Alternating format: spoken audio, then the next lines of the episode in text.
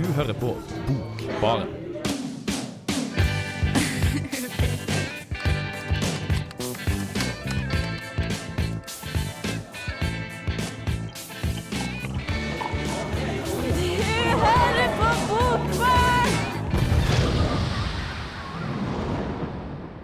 Hallo, og du hører på Bokbaren.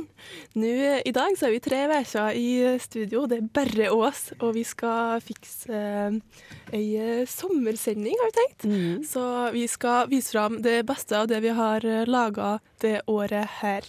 Sammen med meg i studio så har jeg Erine Bjerkan og Idun Fivelstad. Ja, hei, hei. Hei, hei. Og jeg heter Kristine Fredriksen. Eh, Vi skal snart komme i gang, men eh, først så får du Dunderbeist med låta 'Dance'.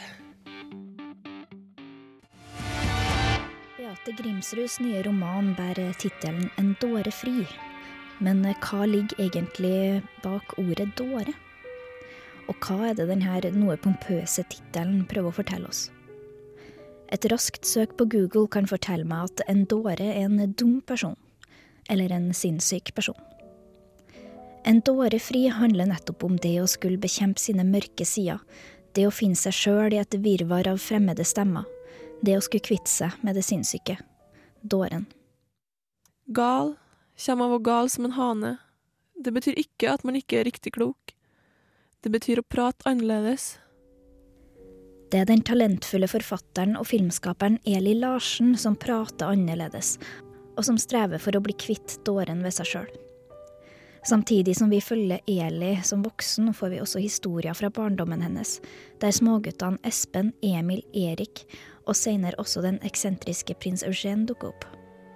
Dette er stemmer som Eli deler kropp med, og som hun holder på som en hemmelighet, helt til hun i 20-årsalderen blir psykotisk og stemmene også overtar kroppen hennes og handlingene hennes. Vi følger Eli inn og ut av institusjoner der hun noen ganger holdes tvangsinnlagt, blir lagt i belteseng og medisinert så voldsomt at kroppen stivner som en bieffekt. Endelig fengsel, endelig bundet fast. En smerte i en annen smerte i en annen smerte. Kropp etter kropp, som ei russisk dukke. Den ultimate straffen, låste dører og vinduer, låste hender og føtter. Bare den innerste dukka går det ikke an å åpne. Prøv noen å spise på den, får de bare vondt i tennene. Alt som er meg, må trenges sammen i den lille dukka for å overleve. Det er det her jeg frykter. Vi får også innblikk i legens journaler. I dagens samtale forteller hun at Eli ikke har kommet ennå. Eli har det likevel bra. Det er Erik som snakker. Hun plages av at det er et høl i høyre tinning. Erik, prins Eguen, Emil og Espen, og den som står over og styrer stemmene, har da mulighet til å oppfatte tankene hennes. Mot slutten begynner Eli å leke med tanken på å skrive en bok om barndommen sin og sine psykiske lidelser. Tross i at dette er en skremmende tanke, og at du føler at du utleverer seg sjøl, så skal det vise seg at det er nettopp denne boka jeg holder i hendene. Dette gir karakteren enda mer dybde, noe som det ikke mangla fra starten av, da barndomsskildringene og beskrivelsene av sinnslidelsene er så overbevisende og troverdig at man skulle tro det var sjølopplevd. Og kanskje ligger det noe der, fordi boka inneholder flere sjølbiografiske element ellers. Sjølbiografisk eller ikke, en dårefri, en knakende god bok som de fleste ville hatt godt av å lese. Ikke bare for å få en god leseropplevelse, men også for å lære om et tema som har vært prega av tabu og skam. Om det å havne utenfor seg sjøl. Vi bare kjører på i dag, vi. Så du har eh, allerede hørt eh, Eline Bjerkan, som har prata om ei bok hun har lest i eh, vår. Mhm. En dårefri var det. Og det er Beate Grimsrud som har skrevet den. Og hun var jo stor favoritt til å vinne Nordisk råds litteraturpris akkurat med den boka der. Mm, både fra Norge og Sverige ble hun nominert. Mm. Veldig bra. veldig bra. Um, vi skal bare kjøre på og videre. Det går slag i slag i dag. Så Idun, hva, hva er det vi skal få høre nå? Nå skal vi få høre eh, Arnfinn Kolerud sin bok eh, 'Når en først skal skyte noen', som var ukas bok eh, tidligere i semesteret. Radio Revolt. Ukas bok.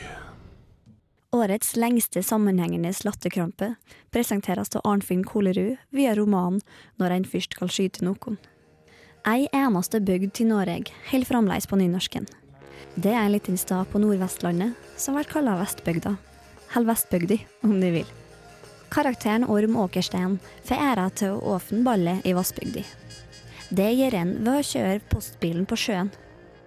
Til politiavhør så forklarer han at Vi har to målformer i Norge.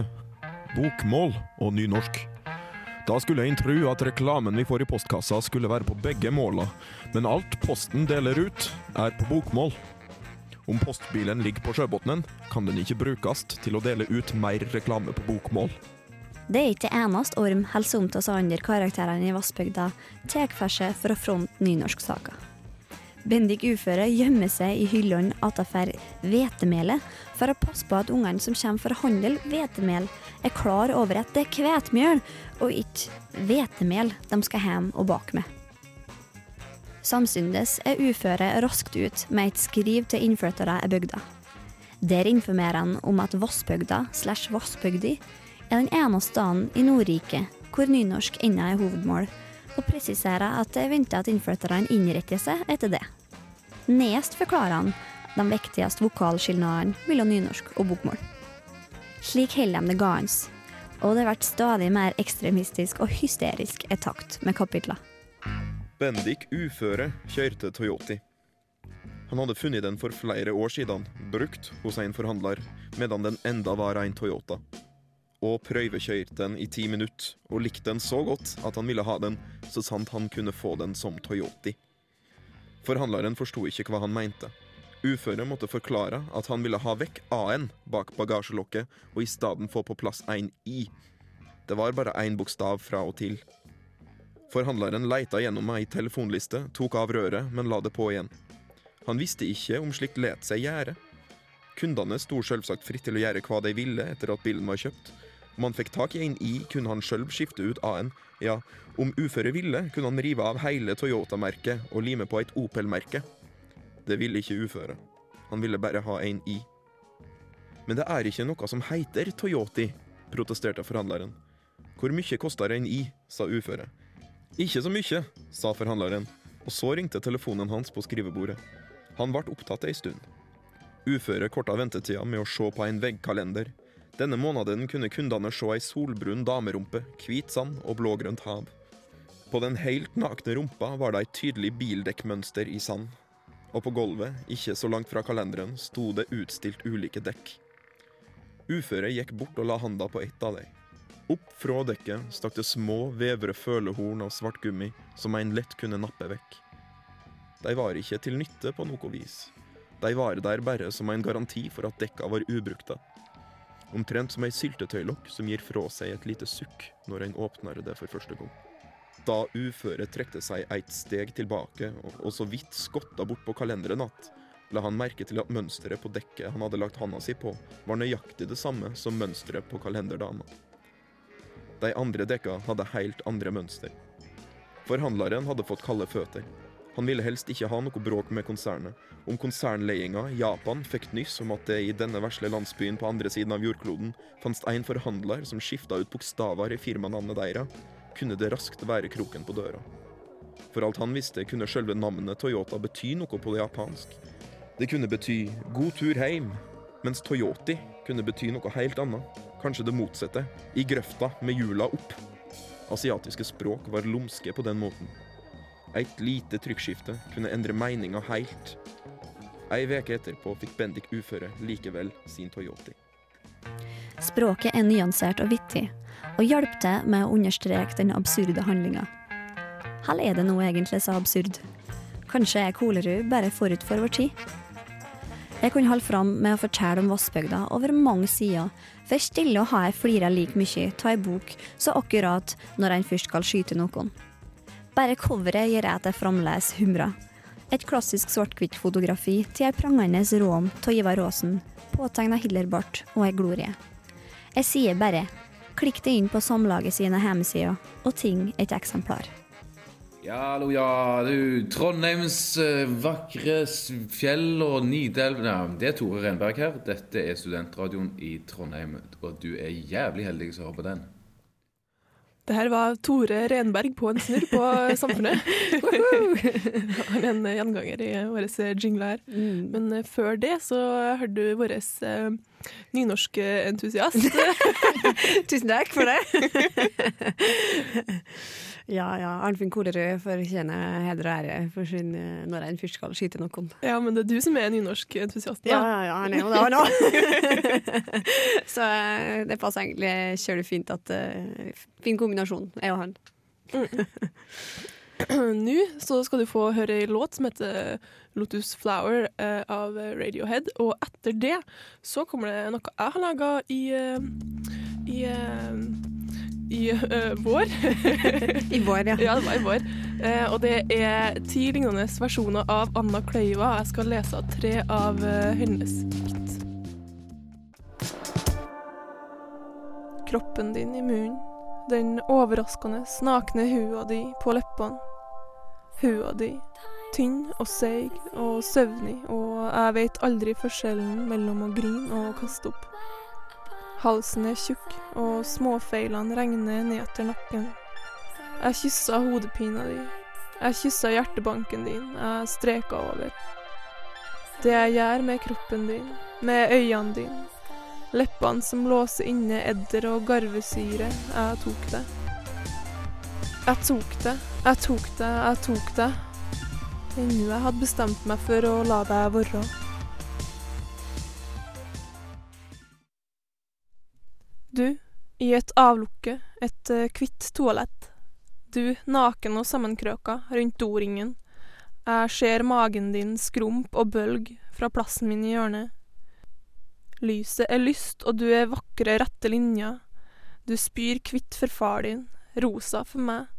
Du spyr og kler grønnfargen i kinnene, det lilla under øynene. Blikket mitt vil aldri slippe tak i deg.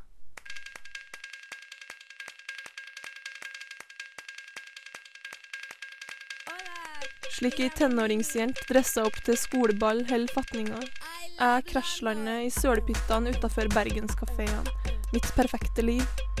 Men jeg bare elsker å klage.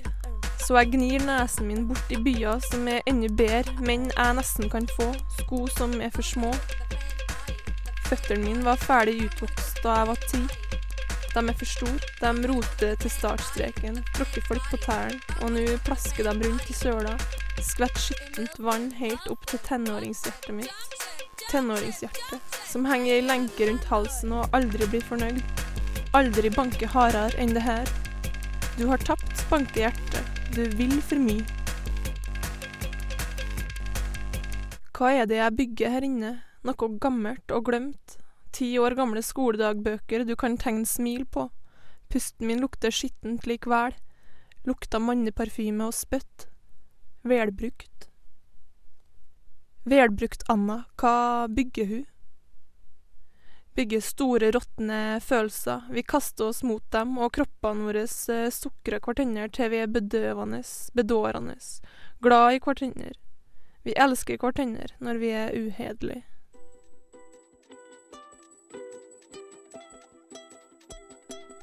Vi prøver på denne måten, du sier. Du er så bra, du er så fin. Du er så fin, du er så fin. Men jeg svarer med tunge, munnsår, hals, stemme, lår. Jeg har så mange sånne her historier. Det finnes allerede i ti lignende versjoner. Å, være litt mer enn ei historie jeg forteller.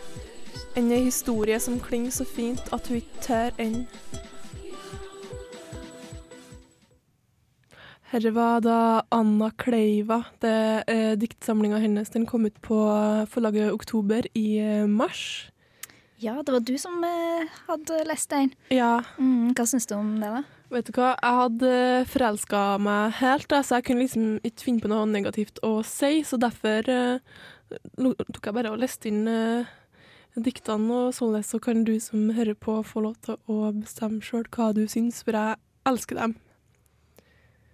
Absolutt et uh, godt kjøp. Mm Mm. Mm. Til er sånn- varme sommerkvelder. Ja, det er sånn jentelitteratur som man koser seg med. Så absolutt. Det neste vi skal høre litt på, det er en litt annen eh, sjanger og kategori. Ja. det er noe litt annet. Eh, når vi hadde påskesending, så anbefalte jeg 'Forbrytelse og straff' av Fjodor Dostojevskij som en alternativ påskelektyre. Det er på en måte en krim, men uh, samtidig så veldig mye mer enn det. Så ja, den er litt uh, tung og uh, murs, murstein, da, men uh, ikke la deg skremme av det, altså. En sommerferie kan jo være et bra tidspunkt eh, å lese ei sånn eh, greie. Forbrytelse og straff av Fjodor Dostojevskij. Murstein som bestandig har stått i bokhylla. Murstein som en må ha lest for å kunne kalle seg belest. Rodion Romanovic Raskolnikov er en ung, men forhenværende jusstudent ved universitetet i Petersburg. Han sliter med mangel på penger, og derfor også mangel på mat. Han har hypokondriske trekk, og når vi møter han i kottet han leier i en av de store leiegårdene i S-gata på første side i boka, har han den siste tida blitt mer og mer inneslutta. Strøjobbene som han innimellom får av barmhjertighet fra kameraten Rasumikin, har han slutta å ta. Han har pantsatt alle sine eiendeler av verdi hos den gamle pantelånersken Aljona Ivanovna, som lever utelukkende på andres ulykke. I desperasjon kommer Raskolnikov til henne en siste gang med et pant. Hvorfor ser de slik på meg, som om de ikke kjenner meg igjen? utbrøt han plutselig, også han med sin stemme. Vil de ha pantet, så ta det. Hvis ikke kan jeg gå til andre med det, jeg har liten tid. Han hadde ikke tenkt å si dette, men ordene kom plutselig helt av seg selv. Den gamle tenkte seg om. Gjestens bestemte tone fikk henne åpenbart til å la engstelsen fare. Nå vel, men hvorfor kommer de så brått, lille far, og hva er det for noe? spurte hun, og så på pantet. Det er et sigarettetui av sølv, det sa jeg dem jo forrige gang jeg var her. Hun strakte hånden frem. Hva er det for noe? spurte hun, idet hun enda en gang mønstret Raskolnikov vedholdende og veiet pantet i hånden. Det er en gjenstand, et sigarettetui, det er av sølv, se her. Det virker liksom ikke som sølv, nei, men så godt den er pakket inn, da. Nå var det ikke et øyeblikk å spille, han tok øksen helt frem, grep om den med begge hender og svingte den i luften. Han sanset knapt seg selv der han nesten mekanisk, og så godt som uten anstrengelse, lot øksehammeren synke ned i den gamles hode. Den tidligere lovende studenten Raskolnikov blir straks sengeliggende. Byttet, som består av penger og diverse pant, graver han ned. I de neste ukene er det mye som skjer. Mora hans og søstera hans Donja kommer inn til byen i anledning hennes bryllup, men det oppstår komplikasjoner. Politietterforsker Porfij Petrovic har fatta mistanke til Raskolnikov og prøver å psyke han ut. Eller er det bare noe Raskolnikov innbiller seg i feberangsten? Sonja, ei stakkars fattig jente som har prostituert seg for å livnære søsknene sine og den alkoholiserte faren, tar vare på Raskolnikov og blir hans fortrolige. I dette øyeblikk åpnet døren seg sakte. Inn i rommet kom en ung pike som så seg engstelig rundt. Alle snudde seg mot henne og så på henne med forundrede og nyfikne blikk. Raskolnikov kjente henne ikke igjen ved første øyekast. Det var Sofia Semjonovna Marmeladova. Å, er det dem? ropte Raskolnikov overveldet av forundring, og ble så brått forlegen selv. Han kom med ett på at moren og søsteren allerede flyktig var kjent med denne piken av beryktet vandel, eftersom hun var blitt beskrevet med disse ord i Luzjins brev. Her hadde han nettopp protestert mot Luzjins bakvaskelser, og nevnt at det var første gang han så piken. Og så trer hun akkurat inn av døren. Han husket også at nettopp betegnelsen av beryktet vandel hadde han ikke gjort noen innvendinger mot. Alt dette for i ett nu uklart gjennom hodet på ham, men da han så nærmere efter, ble han var hvor fornedret dette mennesket var, så fornedret at han med ett fikk ondt av henne. Og da hun i sin angst gjorde mine til å løpe sin vei, ble han helt grepet av medlidenhet. Jeg hadde slett ikke ventet dem, skyndte han seg å si, og stanset henne med et blikk. Sitt ned, er De snill. Mange skjebner flettes inn og stilles ved sida av hverandre.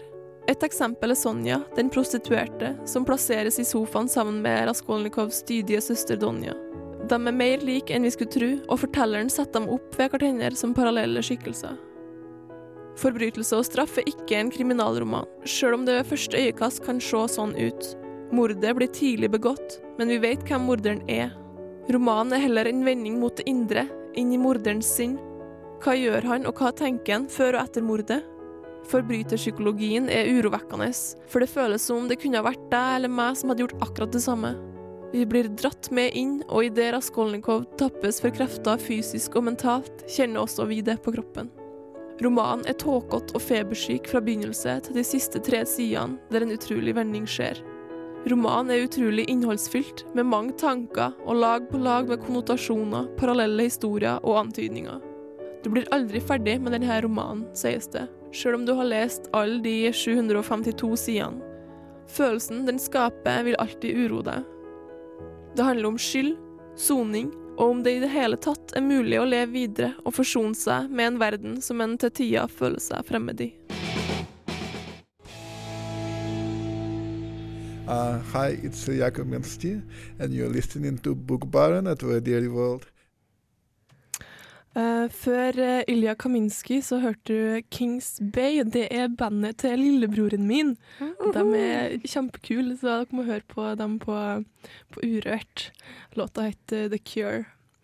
Uh, Ilja Kaminski han var på litteraturfestivalen som var her i Trondheim. Jeg òg, Trondheim litteraturfestival, mm. som var før i helga. Ikke helga som var, men helga før i det. Men det vil altså Det er jo nå når vi sitter i studio, men det, det, vil si at det var Hva slags dato var det? Første, første helga i mai? Nei, iallfall første uke til mai. Ja. ja. ja. Mm. Uh, han um, han kommer fra Odessa, men er professor på, i, i, litteratur i, på et universitet i USA, og var en helt råkul type, altså. Mm. Så sjekk ut det på YouTube eller noe sånt. Han, han har gitt ut ei diktsamling som heter 'Dancing in Odessa', og når han leser opp sine egne dikt, det er helt utrolig å høre på. Mm. Var ikke han litt sær? Jeg har jo ikke hørt det. Men jeg synes jeg... Jo, det høres veldig sært ut, da, for han er mer eller mindre døv, så han hører jo ikke seg sjøl så veldig godt. Og så samtidig så snakker han jo amerikansk med en veldig sånn eh, tung russisk aksent, så det kan være litt vanskelig å forstå, men veldig stilig. Første setningene så forsto jeg hva slags språk er. Jeg måtte virkelig sitte meg ned og konsentrere meg for å høre hva han sa, men det er absolutt verdt å få med seg. og Ta tips til deg, Kristine. YouTube uh, Ilja Kaminski. Mm. Um, Nå skal vi uh, gå litt videre, og det er Martin Ingebrigtsen som uh, ikke er i studio i dag, men han har uh, uh, laga en anmeldelse av uh, Savako Nakayasus, er det det? er iallfall det det står. ja, jeg vet ikke så proff på sine navn. teksturnotater det er ei eh, diktsamling, så jeg tror bare vi kjører i gang den, uh, og så får den presentere seg sjøl. En bunke, en avsetning, en ansamling av mer enn én slags tiltro. Å lære seg å sove på ryggen uten frykt for at en stor gjenstand med skarpe kanter, som en bokhylle eller en parkbenk, eller en diger murstein, skal lande på magen min mens jeg ligger og sover. Å stå og måpe av forbløffelse uten frykt for at en bestemt sort edderkopp skal krabbe inn og legge egg og føre til at en mystisk sykdom viser seg i halsen min når syv år er gått. Å slippe hunden ut av porten i tiltro til at den vet hvor den skal gå når den blir sulten, fryser eller føler seg ensom. Sånn høres et av diktene fra teksturnotata ut. Boka er nylig utgitt på Oktobers gjendiktningsserie og er skrevet av den amerikanske dikteren Sawako Nakayasu. Og det er egentlig alt jeg har å si. For det som er irriterende med å skulle anmelde ei bok fra oktobers gjendiktningsserie, er at halve jobben allerede er gjort for deg. For det første har Rune Kristiansen, som er redaktør for serien, alltid skrevet et etterord til boka som egentlig gjør det fullstendig unødvendig å analysere. Teksturnotater har han f.eks. beskrevet som en ikke-lineær dagbok og en systematisering av tidsbrudd, noe som er presist formulerte definisjoner på boka sine formelle kvaliteter. Og da han i tillegg har fått med seg at dette rotet medfører en evig nåtidighet, som gir boka et eksepsjonelt perspektiv på sine egne observasjoner av bitte små øyeblikk, ja, da er det ikke så mye igjen for meg å si. I tillegg er oktobers gjendiktningsserie alltid forbilledlig omsatt til norsk. Noe som gjør at man har visse forventninger til Knut Johansens arbeid med denne boka. Men selvfølgelig innfrir den. så da er det egentlig ikke noe jeg kunne plukke på her heller. Jeg kunne kanskje sagt at det er så bra at det er kjedelig, men det kan jeg heller ikke. Rett og slett fordi det er dritbra. Jeg digger denne boka. Jeg Så faen. Vi tar enda et dikt. Maurstore gjenstander i den rekkefølgen de blir mottatt. Maur, mikroskip, heftestift, furunål, smilehull, grus, maurens tvilling, en modell av mauren i skala 1 til 1, nok en maur av samme størrelse, støv, brødsmule, negl, brødsmule, heftestift, sennepsfrø, bokstaven I satt i tolvte punkt, lillefingerneglen til en baby på fem måneder, jeg ser på den akkurat nå, timeviseren på armbåndsuret mitt, dataskip, en maur, en plombe som har løsnet fra en tann, en maur, et ord printet ut på lerretspapir som tilfeldigvis er på størrelse med en maur, en mikrofilmkopi av ensemblet i en fryktelig oppsetning av Thornton Wilders Or Town i Wisconsin, baksiden på en øredobb, tastene på mobilen min, boblene i mineralvann med kullsyre, heftestift, øredobb, tann, bokstaven A, bokstaven N, avhøvlet hornhud, ørlite glasskår, brilleskrue, avrevet neglebånd, negleavklipp, kjønnshår på avveier, en protozoar, lell din mystikk. Jeg legger alt sammen i en glasskrukke. Jeg stikker hånden nedi, og maurene går fra sans og samling.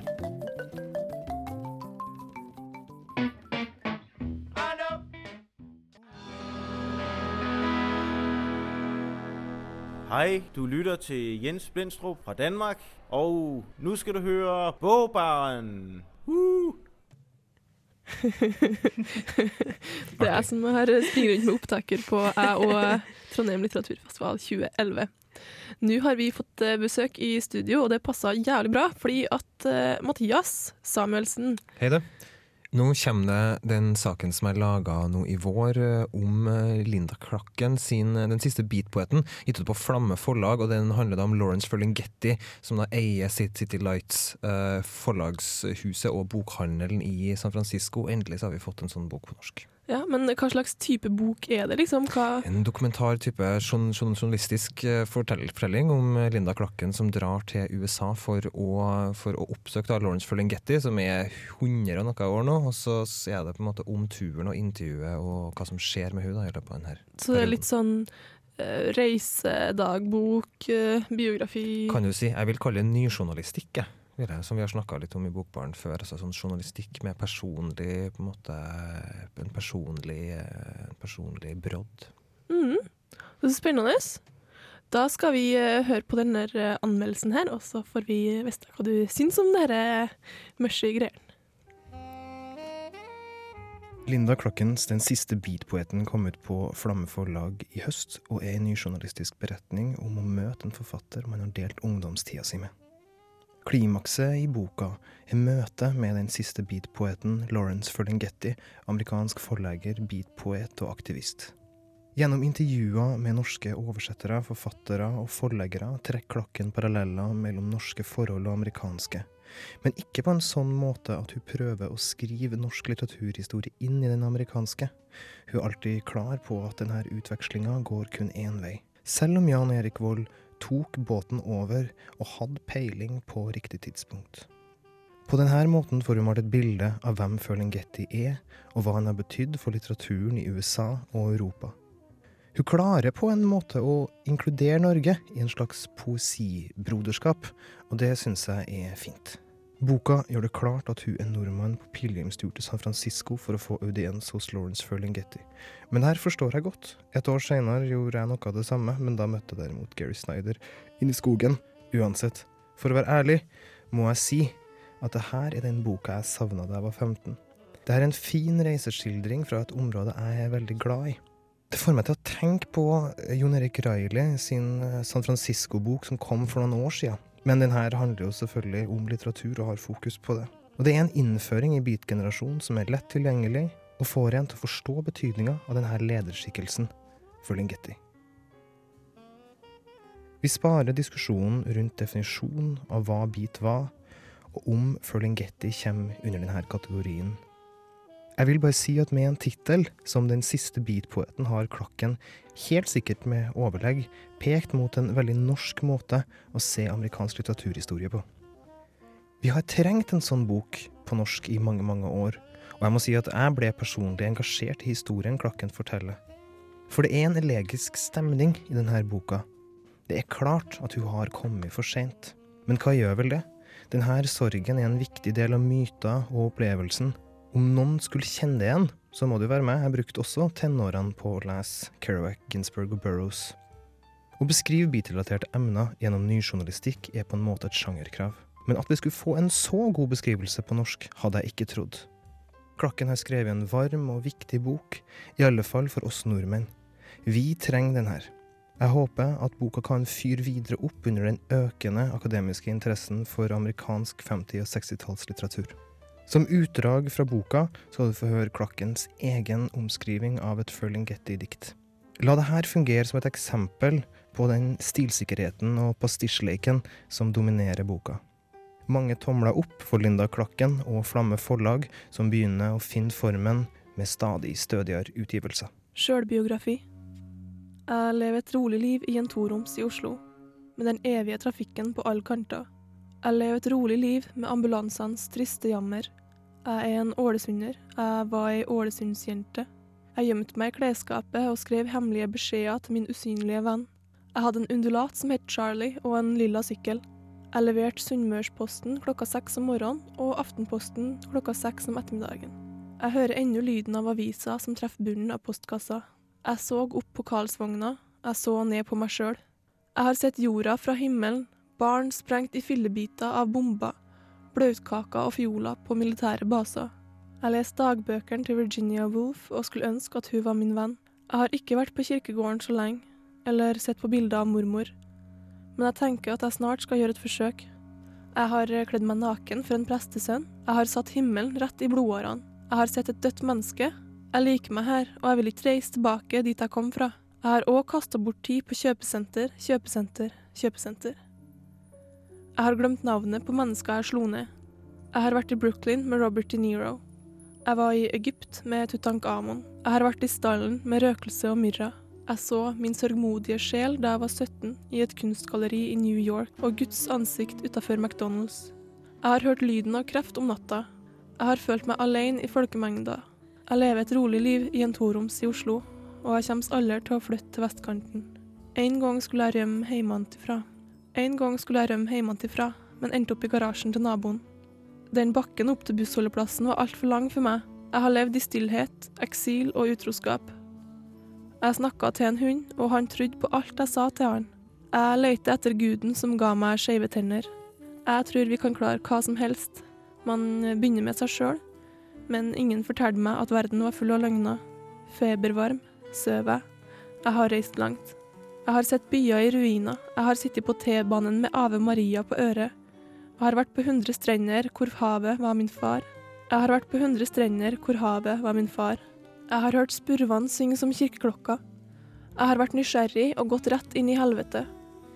Jeg har bodd på fem kontinenter hvor faren min var havet. Hvordan toglandskaper, hvordan solnedganger, hvordan venner. Hvor mange dager tapt i bekymringer. Jeg har sett statuer skrike i stillhet, Dante i Roma, peke østover mot horisonten, mot friheten. En stein til minne om Dylan Thomas under et tre i Wales. Jeg har blitt engsteligere med årene. Jeg trenger en ferie. Det er lenge siden jeg har holdt i en glassmanet. Jeg lever et rolig liv i en toroms i Oslo, og kysser kona mi på panna hver morgen. Jeg har lest Farvel til våpnene av Hemingway fra perm til perm, og legger merke til den samme desperasjonen hos Hemingway og meg sjøl, fordi vi folder hendene hver kveld, men ingen svarer. Jeg ser hvordan de feller trær for å lage en parkeringsplass. Jeg ser at de lar Moby Dick sluke den hvite hvalen. Jeg har marsjert opp og ned i gatene og kjempa for homofiles rettigheter. Jeg har sett grønne glasskår festa til greinene på et dødt tre i skogen. Jeg vet ikke hvem som gjorde det, men treet står på Lærstad. Jeg har hørt tiggernes versjon. Jeg har sett dem. Jeg er Linda Klakken. Jeg var der. Jeg fikk vondt i hjertet. Jeg er ålesunder. Jeg er født 9. januar 1979. Jeg har aldri vært heimløs, og jeg skal ikke dø ennå. Her var Den siste beatpoeten av Linda Klakken, som det er Mathias som sitter her ved min eh, side, som har, eh, har lest i vår. Nå skal du få høre et eh, kjempe, kjempebra Trondheims-band som eh, kommer til å gjøre det veldig skarpt, og de har jo selvfølgelig med seg tuba. Det er veldig bra, syns jeg, for, eh, for tida i Trondheim så må man jo ha med tuba. Hvis De man skal har jo gjøre gjort det det, godt. Mathias. Ja, jo, ja, det er de gjør jo kjempebra. Tuba er nøkkelen i Trondheim akkurat nå for å, for å klare det med rockebandet ditt. Tenk på Pelbo og sånn, det det Ja. er kul. Mm. Ja, så her er da altså Your Headlights Are On, og låta heter Cold Mountain. Vær så god. Hei, det er Pedro Carmona Alvarez. Du hører på Bokbaren på Radio Revolt. Du hørte her Your Headlights Are On Cold Mountain, og så hørte du Pedro Carmona Alvarez, som òg har vært på jeg og Trondheim litteraturfestival. jeg har kosa meg skikkelig der. Jeg springer rundt og, og med opptaker og Ja, morsomt, det. Men eh, Mathias, du satte jo det kunstneriske rådet der, så du Jeg gjør det, så jeg er litt sånn partisk. Jeg hadde, hadde jo motto, og det morsomt. Ja, Eh, du kan ikke uttale Og pålagt. Nei da, jeg syns det var en veldig fin festival, jeg. Og forhåpentligvis skal dere få høre mer eh, om den eh, til høsten og sånn, litt sånn utover. Når vi har fått eh, Vi skal også på Lillehammer en tur, så vi får se om vi får plukka opp noe der også på veien, muligens. Ja, så du blir helt oppdatert på hva som skjer i litteraturverdenen i sommer. Mm. Eh, det her, denne sendinga her, det er del én av totalt to eh, sånn Best of-sendinger som blir sendt i sommer, der vi presenterer det vi mener at du bør lese i, i sommer. Og det er da altså vi som har plukka ut det, det beste fra det semesteret som har gått. Eh, Så i dag så har vi snakka om eh, Beate Grimsrud. Eline, du har lest bok. En tårefri. Mhm. Mm, anbefales veldig. Ja. Og så er det når en først skal skyte noen, eh, Idun. Det stemmer, av Arnfinn Kolerud. Den er hysterisk stengau, så ta en kikk på den. Både for eh, nynorskelskere og dem som ikke har noe forhold til det i det hele tatt. Ja, og så er det ti lignende versjoner av Anna Kleiva fra oktober, som jeg har lest. Den anbefales absolutt. Diktsamling, veldig bra. Og 'Forbrytelse og straff' av Fjodor Dostojevskij. Det er kanskje ikke noe som er helt nytt fra 1866, da, men eh, anbefales likevel. Eh, og så er det teksturnotater, som det er Martin som har eh, lest. Det er vel Flamme, var det det? Mm. Flamme forlag. Ja, så må vi huske på å takke teknikeren vår, Harald Schjong, før vi går av. Ja. Men så videre, da, så er det jo å Du kjører på, Kristine. Idun, ikke forstyrre meg. Du må skynde litt, Kristine. Nei, jeg er så treg dag, sjø. Eh, Den siste beatpoeten av eh, Linda Klakken. eh, Og ja, det var vel det. Det var det. Ja, Tusen takk til tekniker Harald Schjong. I studio så har vi Eline Bjerkan, Idun Fibelstad, jeg heter Kristine Fredriksen, og Mathias Samuelsen mm. dukka opp plutselig midt i sendinga. Så tusen takk, og god sommer. Her får du Glass Vegas, Girl Jeans.